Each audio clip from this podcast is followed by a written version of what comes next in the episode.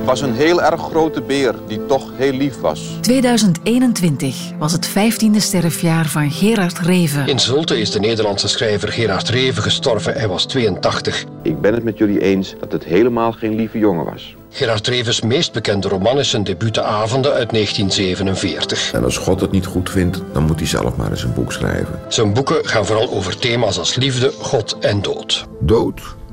Dood. Hij kreeg belangrijke literaire prijzen zoals de PC Hoofdprijs en in 2001 de Grote Prijs der Letteren. Naast schrijver was Reven ook een begenadigd causeur op radio en tv. De radio die ontelbare mensen, ondanks de soms geduchte afstand, nader tot elkander weet te brengen. In de podcast Reven tot Leven laat Lieven van den Houten bewonderaars van de grote volksschrijver een duik nemen in het archief.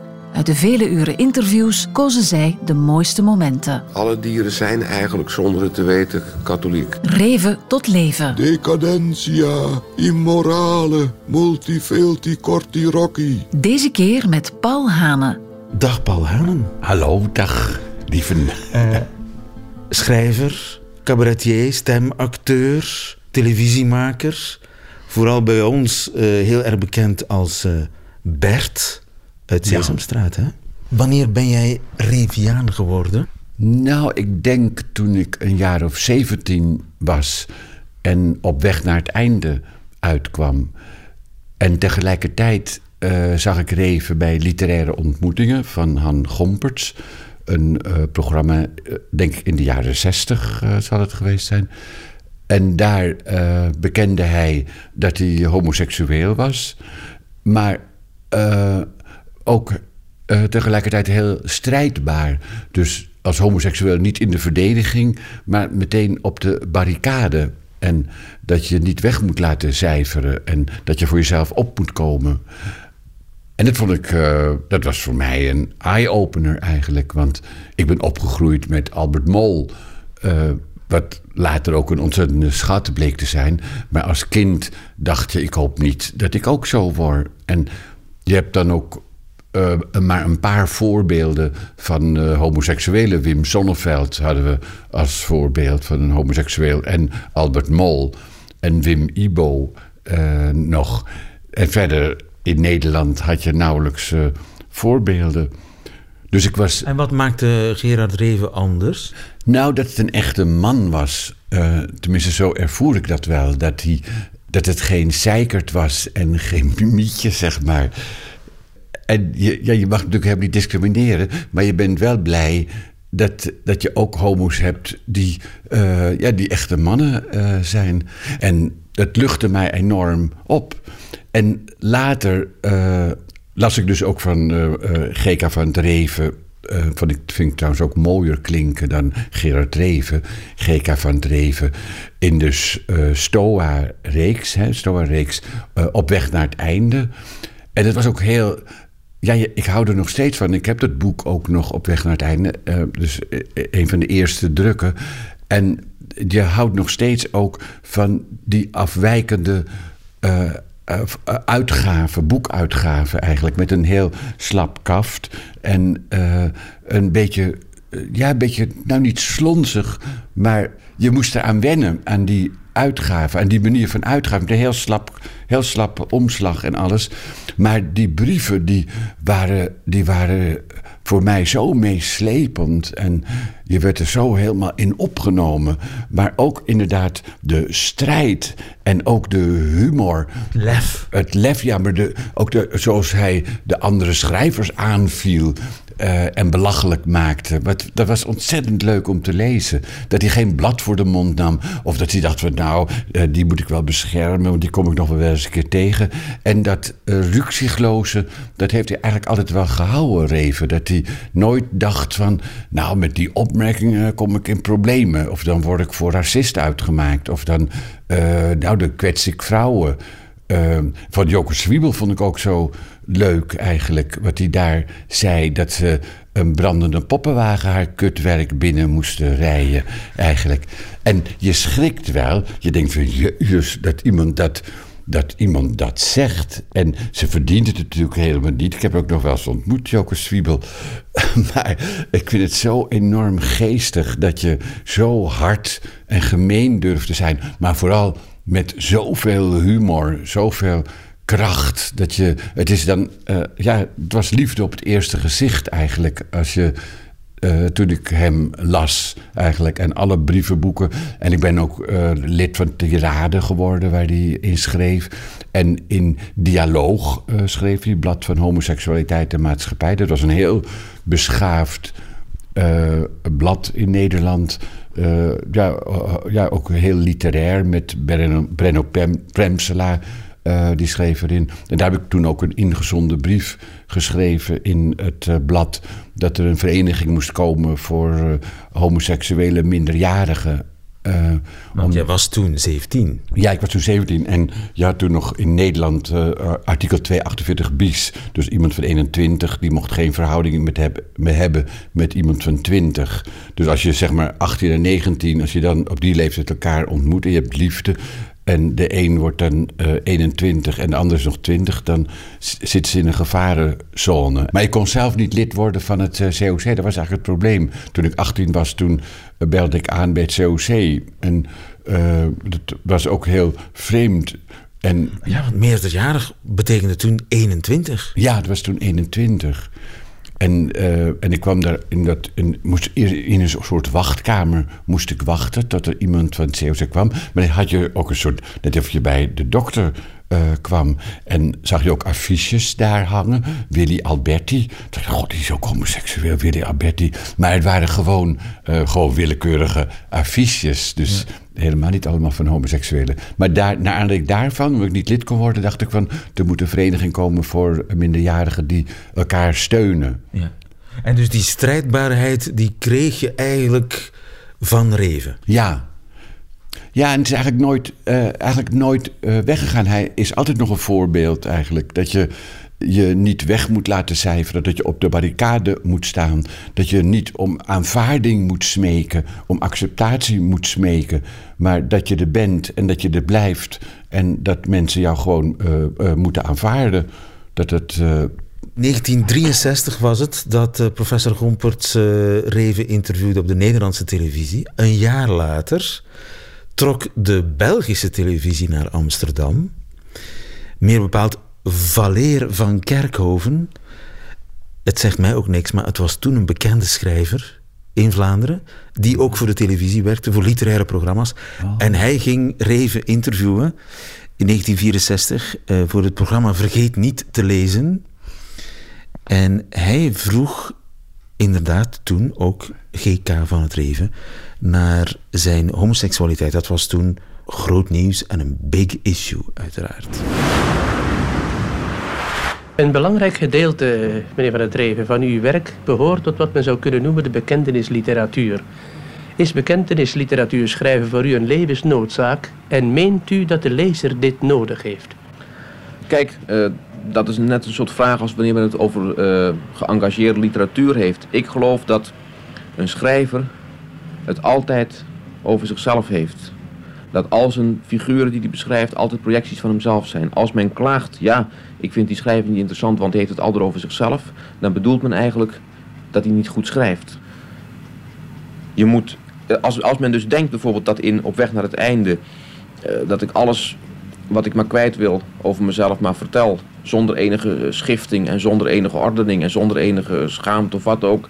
Dan is dat niet waar. Het is wel degelijk zorgvuldig geselecteerd en zorgvuldig. Het maakt misschien de indruk dus van buitengewoon spontaan en buitengewoon onthullend en zonder iets achter te houden. Maar dat is natuurlijk niet zo. Hè. Ziet u nu zelf een evolutie sinds de avonden tot aan bijvoorbeeld op weg naar het einde en ja, verder door? Zeer zeker. Er is een grote, grote evolutie.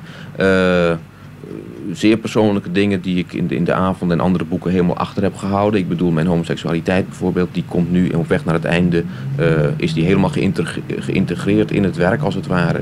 Dat is een, eh, mijn heel, een deel van mijn erotiek geworden en daar kan ik dus gewoon literair mee werken.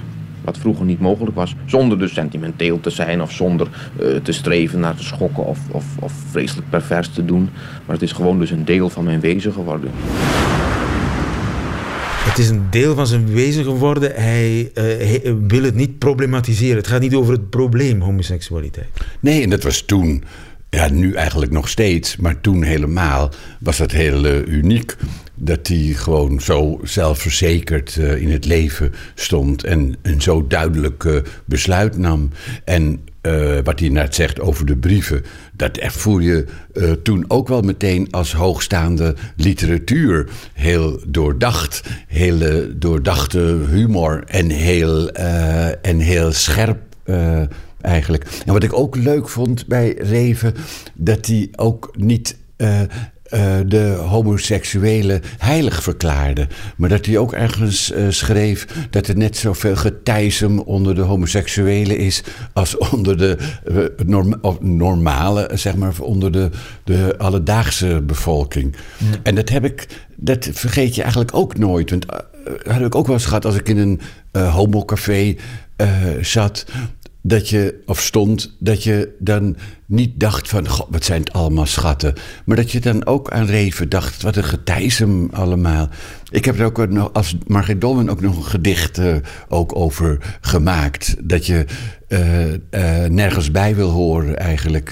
Ik weet niet, ik ken het niet aan mijn hoofd, maar, maar wel dat je er misselijk van wordt, van al die mensen.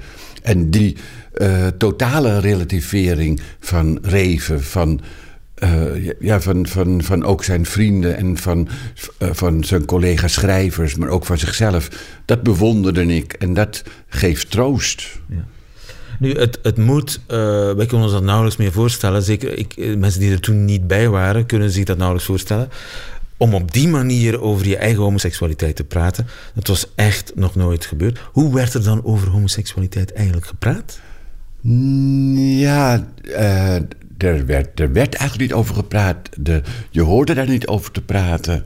Bij ons thuis, eh, ja, mijn moeder zei ik haat homoseksuelen.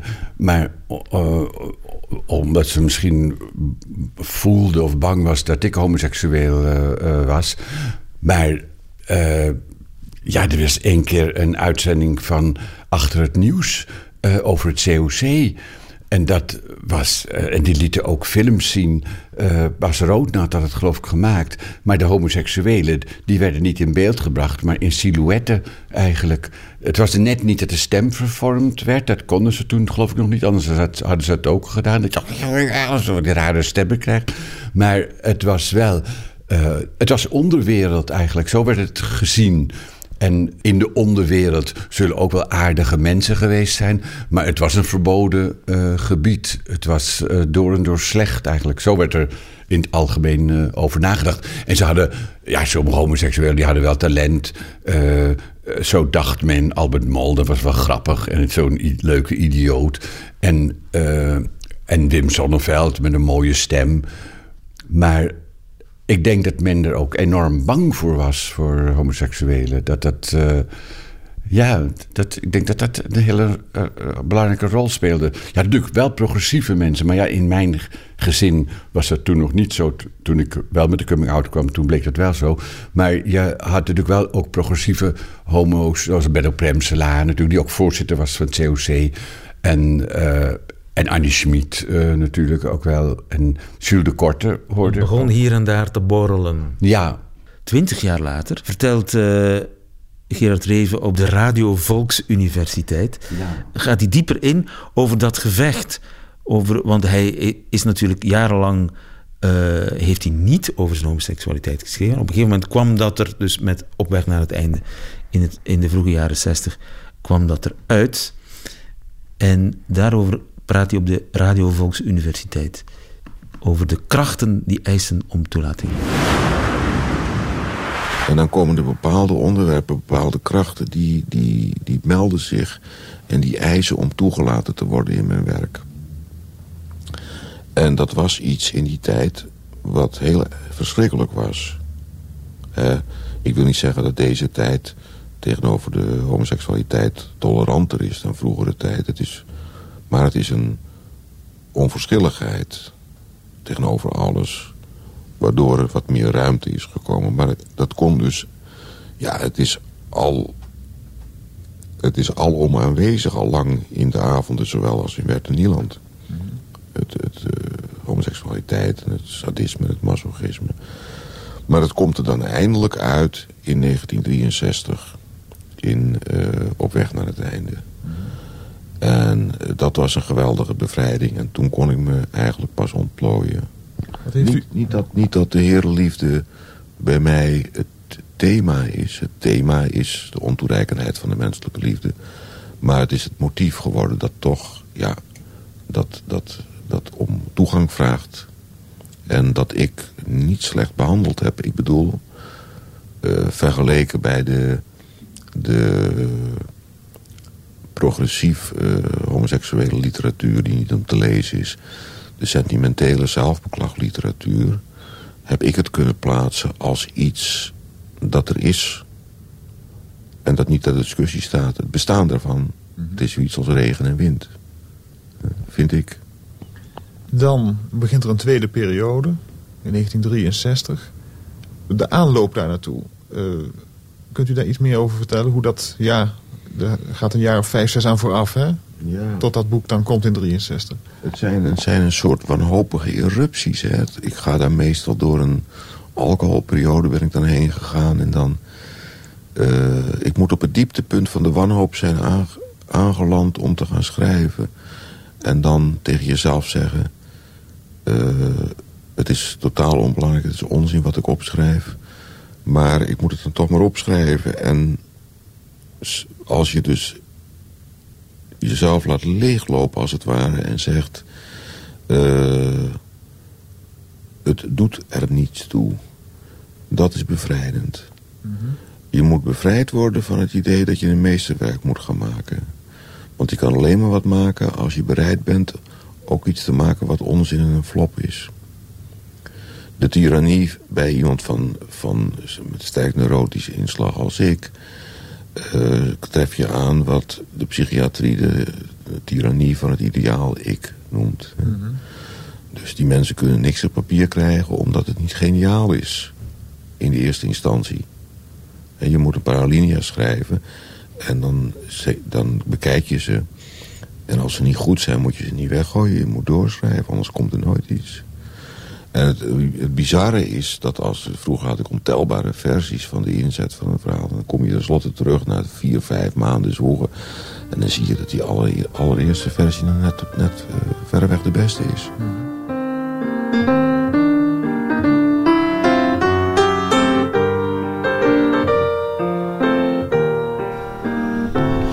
Ja, uh, wel heftig hè. Hoe uh, hij diepten van ellende, vanuit een wanhoop, uh, het, het, het, toch gekomen is dat hij erover begon te schrijven.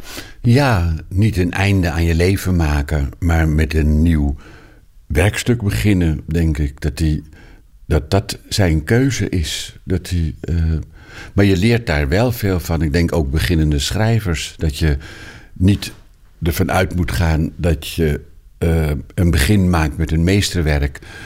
Maar ja, dat je gewoon moet beginnen voor je plezier. En, uh, of om uit de wanhoop te komen. Of om weer levensvatbaar te worden. En dat je dan maar moet afwachten of het uh, wat wordt eigenlijk. Dat kan ik me heel goed voorstellen. Ja, het, het, is ook die wanhoop die je voelt hè, als je het leest. Het is echt wanhoop. Ja, maar tegelijkertijd met enorme humor vanaf het begin, uh, uh, als je met een nieuwe roman. De, de, de openingszinnen van een nieuwe roman. die zijn altijd enorm geestig. En dat vond ik ook wel leuk als jonge homoseksueel. dat eigenlijk de grootste Nederlandse schrijver homoseksueel is. Dus dat je een bevestiging krijgt eigenlijk als homoseksueel. Nu zitten jonge homoseksuelen die moeten vaak kijken uh, naar de televisie of, ja, of naar hedendaagse schrijvers waar ze zich mee verwant voelen of wat een, een soort voorbeeld uh, zou kunnen zijn. En volgens mij heb je niet meer een onafhankelijk iemand en ook een omstreden iemand. Want in eerste instantie dacht je met die zeg maar, zogenaamde racistische opmerking dat het humor was. En later begreep je dat er ook wel een, uh, een soort waarheid bij hem achter zit. Maar je vergeeft hem alles. Eh, dat tenminste, dat heb ik. Ik vergeef hem alles. Ik denk uh, dat hij. Uh, Dat is, ja, omdat het een groot schrijver is en zoveel humor heeft en zoveel uh, in ieder geval mij ook gesteund heeft in mijn ontwikkeling en in mijn aanvaarding eigenlijk. Dat je, dat kan nooit meer fout gaan. Je raakt nu een heel gevoelig punt aan waar heel veel Revianen een beetje omheen dansen. Uh, waar we natuurlijk ja. niet omheen kunnen dansen, dat is dat, dat hij effectief uh, wel hele nare, racistisch aandoende opmerkingen ook in interviews uh, ja. heeft gegeven. Maar jij zegt, oké, okay, hij is dan maar op een bepaalde manier racistisch, maar dat kunnen we hem vergeven. Nou, maar ik denk ook niet dat hij racistisch uh, was, eigenlijk. Ja, het grappige is dat je ook zegt is, maar uh, dat hij ook niet racistisch was, maar dat hij ermee speelde, eigenlijk, met je tjoekie boot naar, uh, weet ik veel, wat is het ook weer? Taki Taki Oerwoud. ja, en het, ja, nu mag je dat niet meer zeggen, maar eigenlijk zou je dat wel weer mogen zeggen, vind ik. Ik vind het, ik, ja, ik vind het zelf, ja, ik vind als, als homo's belachelijk gemaakt worden, dat vind ik ook helemaal niet erg. Uh, uh, daar moet je, als, als, als homoseksueel moet je daar ook helemaal niet kinderachtig over zijn. We, we leven nu wel in een maatschappij van volkomen vertrutting en, en verkinderachtiging eigenlijk. En van snel gepikeerd zijn, snel op je teentjes getrapt, snel meteen indelen of MeToo of racisme of dit of dat of zus of zo. En eigenlijk zou je daar ook weer een beetje van af moeten stappen en, uh, en denken van ja, zo, uh, zo erg is het allemaal niet. Zou Reven vandaag gecanceld worden, denk je? Nou, er zou wel een hele groep mensen uh, op moeten staan die hem zouden moeten verdedigen. Dat je, ik ben bang dat het tegengeluid eigenlijk de, voor de vrijheid van meningsuiting en voor de artistieke vrijheid vooral, dat dat geluid aan het verzwakken is. En dat de mensen, de intolerante mensen en de humorloze eigenlijk, dat die langzamerhand de macht uh, overnemen. Dat de, dat er, uh, Zowel aan de linkerkant als aan de rechterkant. Ja, aan beide kanten eigenlijk. De links kan ook ontzettend intolerant zijn. Nou, soms nog intoleranter volgens mij dan uh, rechts. Bij de rechtse mensen heb je altijd nog wel, uh, ja, dat ze denken, nou ja, laat maar. Zoals je bij gelovige mensen eigenlijk ook uh, mensen hebt die gewoon, uh, ja, ik ben zo in de Bijbelbelt opgetreden. En, en daar zit ik ook te vloeken en te tieren. En na afloop vinden de mensen toch leuk van van de, de, leger des heils en uh, komen toch mensen op je af. Maar ik denk dat het grote gevaar van nu is eigenlijk dat, uh, en niet de humor uh, van uh, Charlie Hebdo of zo, want dat moet natuurlijk ook sowieso blijven bestaan, daar moet ook voor gevochten worden. Maar ook alle andere vormen van humor, dat die ter discussie staan en gevaar lopen. Zullen we nog naar een laatste fragment luisteren? Het is een lang fragment, want uh, Reven heeft eigenlijk heel zelden over zichzelf en zijn eigen verleden gepraat. Heel veel over geschreven, zelden over gepraat. Ja. En één keer heeft hij vrij uitgebreid een interview gegeven aan het programma Homo Nos. Oh, ja. Ken je Homo Nos? Ja, Homo Nos, daar heb ik zelf ook nog wel uh, als Margriet Dolman ook uh, voor gewerkt. En ik heb Reven trouwens uh, samen met mijn man Dammy Vergeest... toen we het blad Mensengevoelens hadden... ook de eerste Mensengevoelensprijs gegeven. Was hij daar blij mee? Nou, ik belde eerst, uh, hij woonde toen in Frankrijk en belde hem op. En toen kreeg ik uh, Joop Schafthuizen aan de telefoon. Ik zei, nou heeft de mensen gevoelens. Nou, meneer Reven houdt helemaal niet van die onzin. En die gooide de hoorn op de haak. En toen heb ik het via de uitgever uh, uh, geregeld. En die uitgever die belde op een gegeven moment op. Ja, meneer Schafthuizen, die is nu niet thuis. Dus als u hem nu belt, dan kan het misschien wel. Dus toen heb ik hem gebeld. En het was een hele slechte verbinding. Uh, want ik zei, jij hebt de Mensengevoelensprijs uh, gekregen. En, uh, of die wilden we u... Mensengevoelens, dat was dus jullie blad, hè, voor ja, mensen die dat niet dat zouden weten. Een, een, ja, een laagdrempelig literair humoristisch blad. En ik had een verbinding uh, met hem en uh, ik was al hartstikke blij dat hij opnam. Maar het was een hele slechte verbinding. Dus uh, dat had je toen nog. Dus dat gewoon, je hoorde helemaal niks meer, een brom. En dan kwam hij weer terug van, maar, maar zo is het toch, meneer Hane. En eh, zei ik van, ja, nee, maar zeker, hebt u, u hebt helemaal gelijk. Maar ik wist helemaal niet wat hij gezegd had. En het ging de hele tijd zo door. En toen zei hij uiteindelijk van, nou, als u mij een brief stuurt... dan, eh, dan aanvaard ik die prijs dan.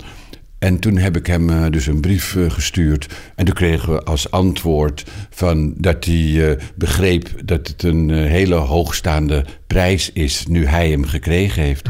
Zo. En het Giro-nummer is dat en dat en dat. Ja. Verder heb je hem eigenlijk nooit ontmoet.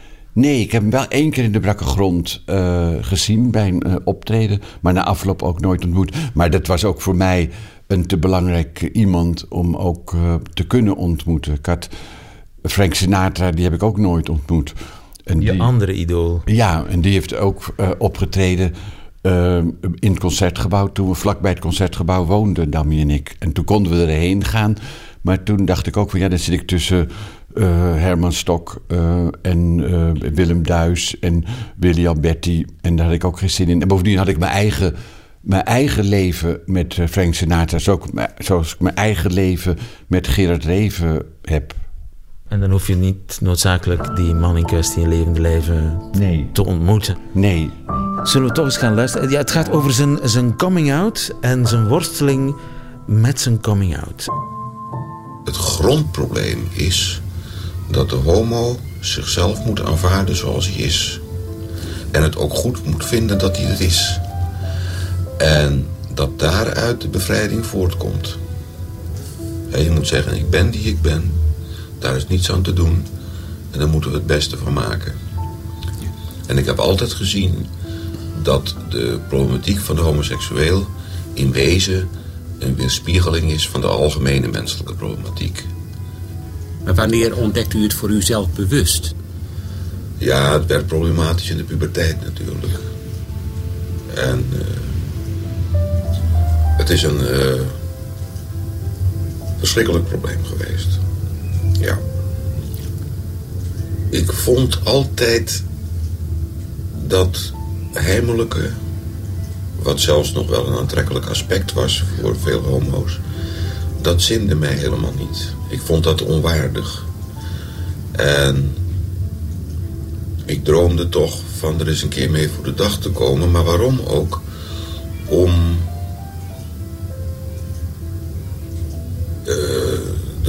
problemen met mijn gezondheid. Ik ben altijd als kind eh, en in mijn jeugd astmatisch geweest.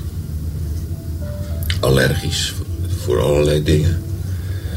En met die beslissing nemen zijn al die verschijnselen verdwenen. Het ging niet allemaal vanzelf. U bent ook nog getrouwd geweest. Ja, dat is de, de grote fout die eh, mensen kunnen maken. Omdat het geen kwestie is zozeer van dat men iets verkeerds doet waar men zichzelf mee in de wielen rijdt. Maar het is toch ook een buitengewoon, ja, haast laakbare daad tegenover een vrouw. En vooral als een vrouw dat van tevoren helemaal niet weet hoe de zaak in elkaar zit.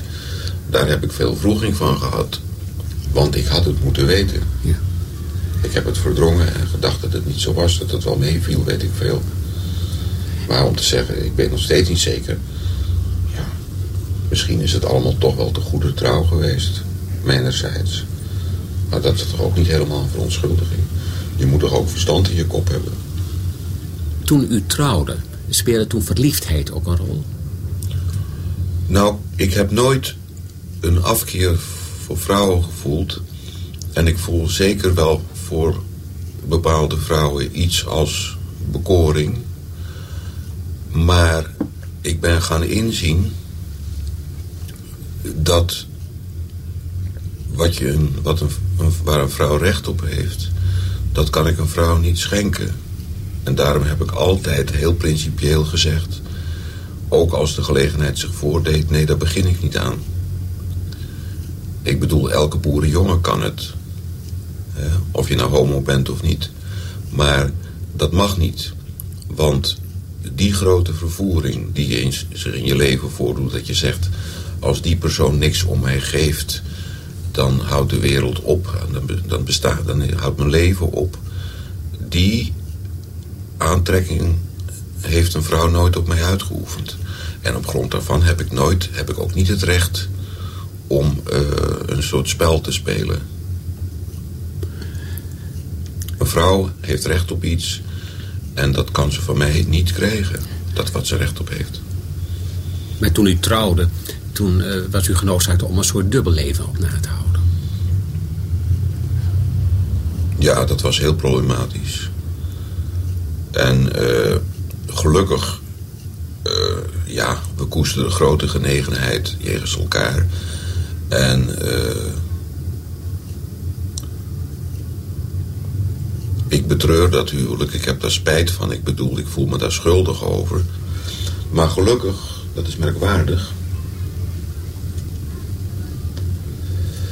Dat ik zeg, dat was een paar maanden geleden, toen was ik bij haar op bezoek en ik zeg ja.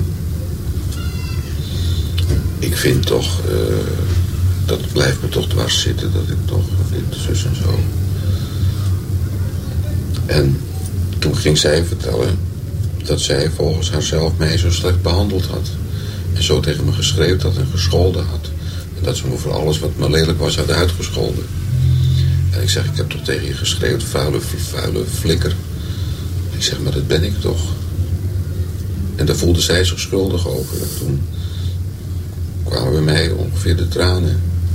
Dat is wel een genade van God dat je toch, toch zo tegenover elkaar kan blijven staan. Dat je toch uh, bevriend kan blijven. U hebt wel eens een keer gezegd in een interview dat u in uw jeugd, of in de najeugd zeg maar, ja, de adolescentie ook bij de psychiater bent geweest, hè, een tijd. Had dat ook met de homoseksuele problematiek te maken? Ja, natuurlijk. Ja. En uh, dat trof erg goed, want dat was een heel wijs man. En die. Uh, dat was een man niet van de richting van Freud, maar de richting van Jung. Dat was nogal zeldzaam in die tijd. En die dat veel breder zag. Niet alleen als een seksueel probleem, maar een gewoon menselijk probleem, een persoonlijkheidsprobleem. En die zei, ja, uh, iemand moet aanvaarden wat hij is. En niet proberen te worden, iemand an, iets anders te worden dan hij is. Hij ondersteunde uw uh, geaardheid, zeg maar. Nou, hij was er niet zeker van. Hij zegt, kijk eens... Uh, dat zei hij niet met zoveel woorden, maar dat was mijn conclusie. Hij zei als het ware, u bent het of u bent het niet, het zit altijd goed. Maar dat zei hij niet met zoveel woorden. En hij zegt, als u het niet bent, dan moet u er in elk geval doorheen. Het probleem wordt niet opgelost als u er niet naar leeft. Dat was heel wijs gezien. Ja. En het was voor u ook wel een, een, een psychische ondersteuning natuurlijk. Ja, zeker. Was dat nu voor of tijdens uw huwelijk dat u naar uh, hem toe ging? Hoe bedoelt u? Laat zeggen, toen u die... Oh, dat is heel vroeg, dat is in de veertiger jaren. Toen al? Ja. Maar dan bent u desalniettemin, ondanks dat advies, getrouwd. Omdat u, ondanks het bezoek aan een psychiater, dat toch nog niet uitkwam voor u persoonlijk?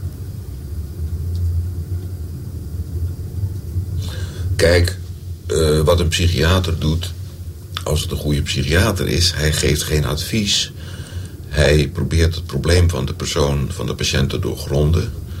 En hij werpt de patiënt voortdurend op zichzelf terug. En hij gaat niet zeggen tegen iemand, je moet niet trouwen of, of uh, je moet dat werk niet doen. Het is veel algemener natuurlijk. Wat was nou het moment dat u zei van... ik moet er toch mee voor de draad komen naar buiten toe? Want het gaat niet langer. Uh, dat was in 1963. Op de internationale schrijversconferentie in Edinburgh. En daar was een... een Engelse dichter, MacDiarmid. Een uh, heel fanatieke marxist en communist... die de westerse literatuur aanviel... want dat het uh, veel te veel ging over lesbianisme en over sodomie. En dat was allemaal een schande. En toen heb ik uitgesproken en toen heb ik gezegd... dat ik als homoseksueel, als ik dat wilde, over de homoseksualiteit moest kunnen schrijven. Het was nogal een sensatie. En voor mezelf ook. Ik was helemaal in een soort trance. Ik dacht, nou heb ik het gezegd. En, maar het kwam ter plaatse op toen u dat hoorde. Ja, ik dacht, er moet toch iemand iets zeggen. En niemand zei iets. Niemand durfde die kerel aan te vallen. En een, een, een kwart, de helft van die, van die uh, Engelse dichters en schrijvers... die waren van de herenliefde. Ja. En, en wat, hoe reageerde men na afloop? Uh, ik kreeg veel bijval van een aantal mensen naderhand. En... Uh, maar in de Engelse pers verschenen niet alleen maar over... dat een van de afgevaardigden uit het buitenland had gezegd dat hij homoseksueel was. Dat was het enige. Maar nu vroeg ik u, van wanneer bent u ermee voor de draad gekomen? En toen zegt u, ja, nou, publiekelijk daar op die conferentie. Ja, dat Had u het daarvoor uh, al verteld aan bijvoorbeeld uw ouders? Mijn ouders wisten het niet. En hebben het nooit geweten, dat wil zeggen... Uh, ja, natuurlijk. Uh, mijn vader heeft veel langer geleefd dan mijn moeder. Die wist het tenslotte natuurlijk wel. Die is pas in 1975 gestorven. Maar mijn moeder wist het wel. Maar was te fijngevoelig om dat te noemen, om erover te spreken. Ze wist alles. Hoe bent u te weten gekomen dat zij het wel wist? Dat hoorde ik van mijn vrouw pas uh, na haar dood, na de dood van mijn moeder. En was ze toen geschokt? Mijn moeder? Nee, mijn moeder werd niet zo gauw geschokt. Mijn moeder was erg geliefd door alle mensen. Alle mensen kwamen voor haar, bij haar voor troost en raad. En ze hield liet iedereen in zijn, in waarde. En uh, ja, mijn moeder was natuurlijk in Alf was ook onwetend. En had ook die preutsheid van die mensen in die beweging. Maar ze was toch, stond toch met de benen op de grond. Ze begreep dus dat er dingen bestonden ook al behoorde hij niet te bestaan. En uh, ze was een vrouw, ja, ze was een, wat Jung noemt, een introvert gevoelstype. Stille waters hebben diepe gronden. En zij kon zich erg moeilijk emotioneel uiten. Ik heb mijn moeder nog nooit uh, ja, met de kinderen hand in hand om de tafel dansen. Maar dat was het uh, extreemste.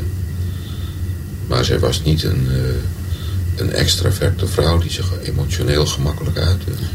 En toen ze het wist van uw homoseksualiteit... heeft dat op zich in de relatie met u helemaal geen enkele invloed gehad? Nee, daar heb ik nooit iets van gemerkt, nee.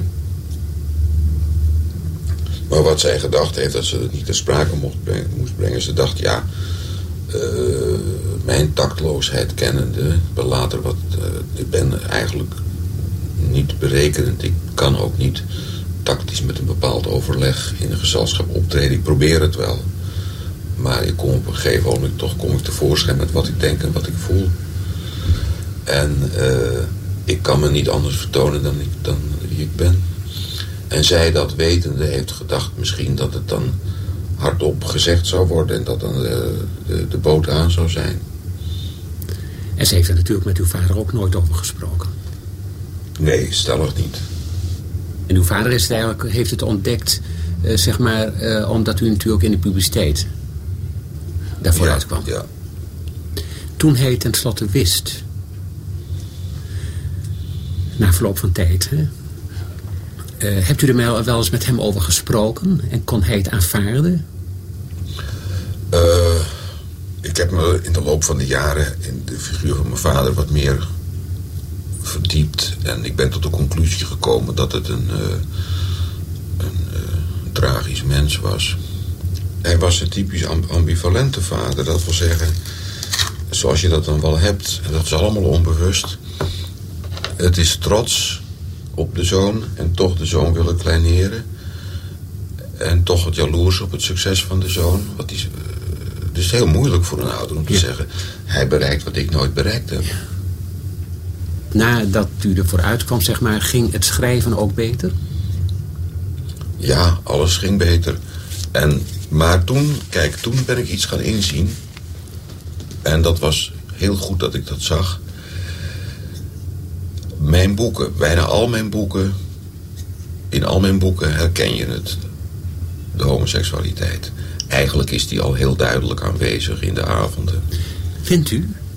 Ja, een homoseksueel sadisme is al heel duidelijk. Ja, maar- En in Bert en Nieland is het duidelijk. Heel erg duidelijk. Maar ik vind het in de avonden nogal verdekt. Ja, het is verdekt, maar het is alom aanwezig. Eh, maar ik zag in... En dat is ook... Dat is ook gebleken uit mijn boeken... Dat de homoseksualiteit in mijn boeken, in mijn romans, motief is. Maar geen thema. Het thema, het grote thema, is het gewone tragische thema van het menselijk bestaan. Ik heb nooit de homoseksualiteit verheerlijkt. Ik heb nooit de homoseksualiteit belachelijk gemaakt. Maar eh, mijn boeken interesseren minstens zoveel niet-homoseksuelen als homoseksuelen. Mijn boeken ontmoeten zelfs nogal wat verzet bij de homo's. Die vonden het schandelijk dat iemand er zomaar over schreef. Dat is curieus.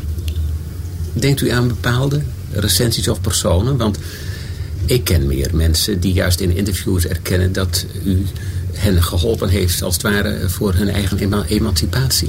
Eh, er heeft nog een bespreking in Dialoog gestaan waarin stond dat ik een Victoriaans mens was, dat ik een puritein was. Kijk, ik schrijf bepaalde woorden niet die, die beledigend zijn voor de lichamelijke erotiek. Ik schrijf niet als een klein kind. Ik schrijf niet P puntje, puntje, puntje, puntje. Of N puntje, puntje, puntje, puntje. Of K puntje, puntje, puntje. Ik druk mij anders uit. Eh, ik noem dat eh, zijn jongenssap of zijn vuurroer der liefde. Of zijn voorlader als het een beetje humoristisch is. Of zijn geheime opening. Of dit of dat. eh. ik schrijf als het ware bijbels. eh. hij ging tot haar in. Of eh, hij bekende haar. En zo hoort het ook. Maar de, de, de bevrijders, de emancipators, die willen va- vaak dat je dus al die woorden moet gebruiken om te laten zien dat je bevrijd bent. Maar de mensen die die woorden gebruiken, die die taal gebruiken, zijn niet bevrijd. Dat zijn de infantiele mensen gebleven. Ondanks het feit dat u daar zei van... eh, er waren genoeg homo's die, vonden het, eh, toch, die hadden er eigenlijk bezwaar tegen, zoals ik erover schreef. Maar u weet zelf wel dat u voor heel wat homo's... wel een soort herkenningspunt bent geweest. En een hulpje bij hun eigen persoonlijke emancipatie.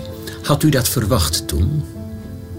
Nee, het verbaasde me niet, omdat het had iets bevrijdends voor homo's, omdat ze ontdekten dat het een belangrijk element in hun leven was, maar dat het ook weer niet alleen zaligmakend was. Kijk, je had toen mensen, dat noemde ik altijd seksuele proletariërs. Eh, die mensen hadden eigenlijk alleen maar de homoseksualiteit. En verder was er eigenlijk niks. Ja. Dat zijn dan mensen die interesseren zich eigenlijk nergens voor. Niet voor een ander, niet voor een ander mens, niet voor een dier, niet voor een vrouw, niet voor een, eh, een vorm van kunst of wat dan ook. Als je die mensen die homoseksualiteit van hun afnam, dan hadden ze niks meer.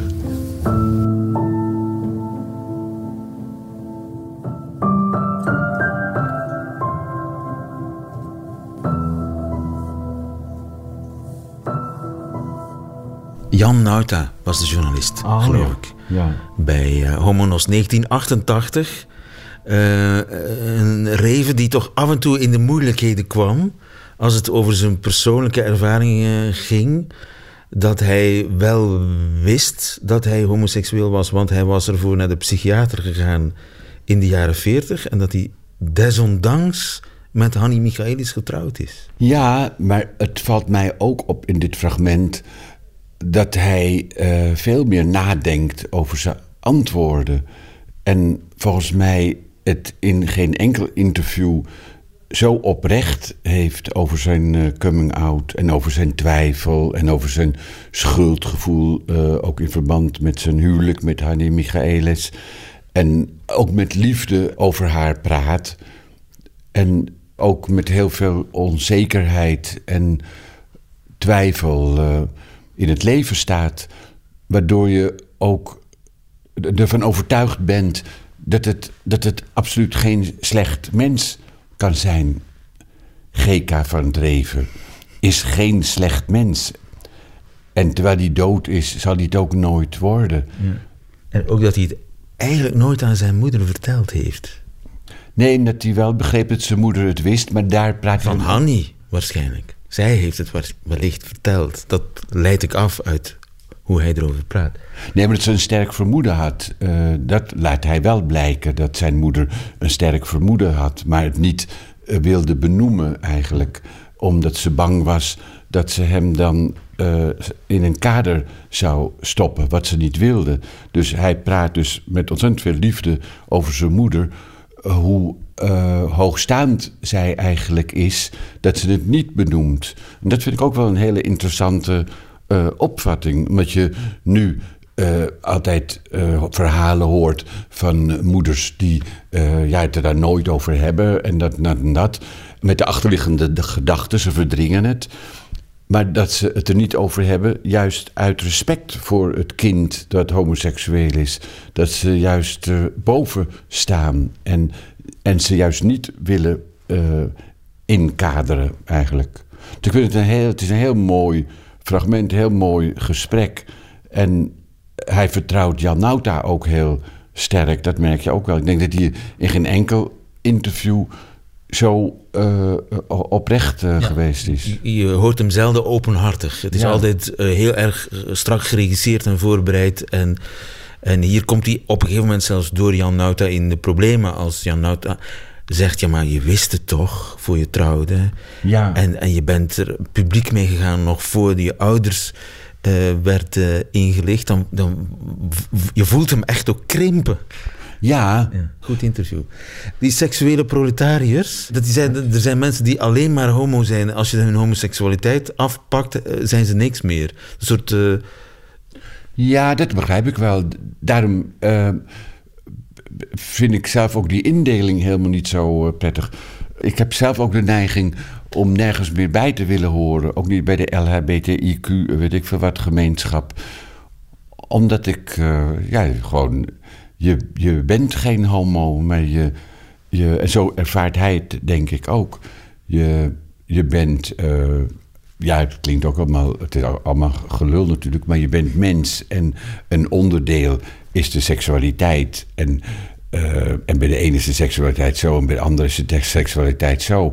En in de eh, jaren 50 en 60 was het van belang eh, dat er een vereniging was zoals COC die voor de homo's opkwam. Maar nou is, ja, is het helemaal niet meer nodig eigenlijk. Je moet wel ja, de, de, homo's worden wel gediscrimineerd natuurlijk. En de transgenders die worden allemaal gediscrimineerd. Maar je hebt over de hele maatschappij, in de hele maatschappij heb je overal discriminatie. Maar je kan nooit lid worden van een vereniging tegen discriminatie. Ja, dat zou je misschien moeten hebben. Een vereniging tegen discriminatie. Maar ik voel me nergens thuis. Dus eh, ja, en misschien eh, heb ik dat wel van Reven geleerd, dat je ook nergens thuis hoeft te voelen. lees je hem af en toe nog? Nee, maar ik zou naar aanleiding van het gesprek en naar aanleiding van de podcast wel weer de boeken eh, op willen pakken. En zijn, nou, zijn gedichten, die lees ik wel eh, eh, af en toe nog. Of, de, of komen gedichten boven.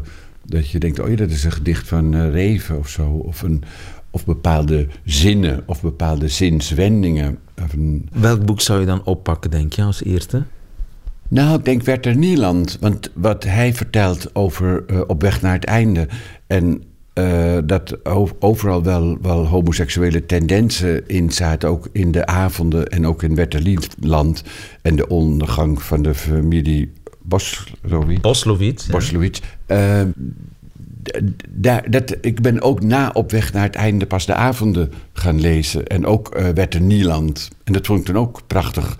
En de die eh, vinden soms Werther Nieland zijn allermooiste eh, boek. Eigenlijk zijn allermooiste roman. Dus ik, ga, ja, ik ga wel weer alles een beetje oppakken. Ook omdat het tijdloos is. En de humor van hem tijdloos is. Dus het is wel een reden, naar aanleiding van de podcast, om weer alles eh, ter hand te nemen. Ja. En dan beginnen bij de 50s Reven. De wat onderbelichte Gerard Cornelis van het Reven uit de jaren 50. Ja, ja zeker. Paul, dankjewel voor dit gesprek. Dankjewel ook aan alle omroepen die uh, hun archiefmateriaal ter beschikking hebben gesteld. En er zijn nog negen andere podcasts waar je ook eens naar kunt luisteren, Paul. Ja, fijn. Nee, het is een, uh, en jullie moeten kijken naar uh, Troost TV. Dat podcast, doen we. Podcast op tv.